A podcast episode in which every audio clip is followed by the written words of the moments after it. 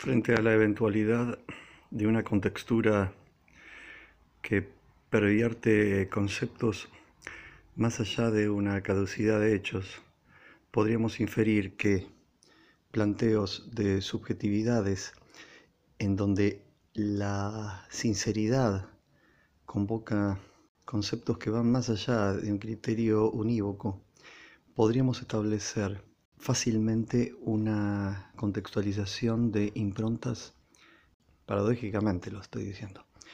Estos hechos convocan a enfoques que podríamos eh, caracterizar como ambiguos. ¿Por qué digo esto? Sencillamente porque plantean eh, conjeturas que van más allá de un concepto neutro. Desde allí podemos partir y determinar en forma taxativa una inferencia que posibilitaría un encuadre de una situación eh, de características nefastas. Dado esto, hay posibilidades de esperanzas si uno quisiera utilizar términos tan efímeros. Subjetivamente he planteado eh, una situación convocaría un disturbio de mayúsculas consideraciones a nivel social y epistemológico también.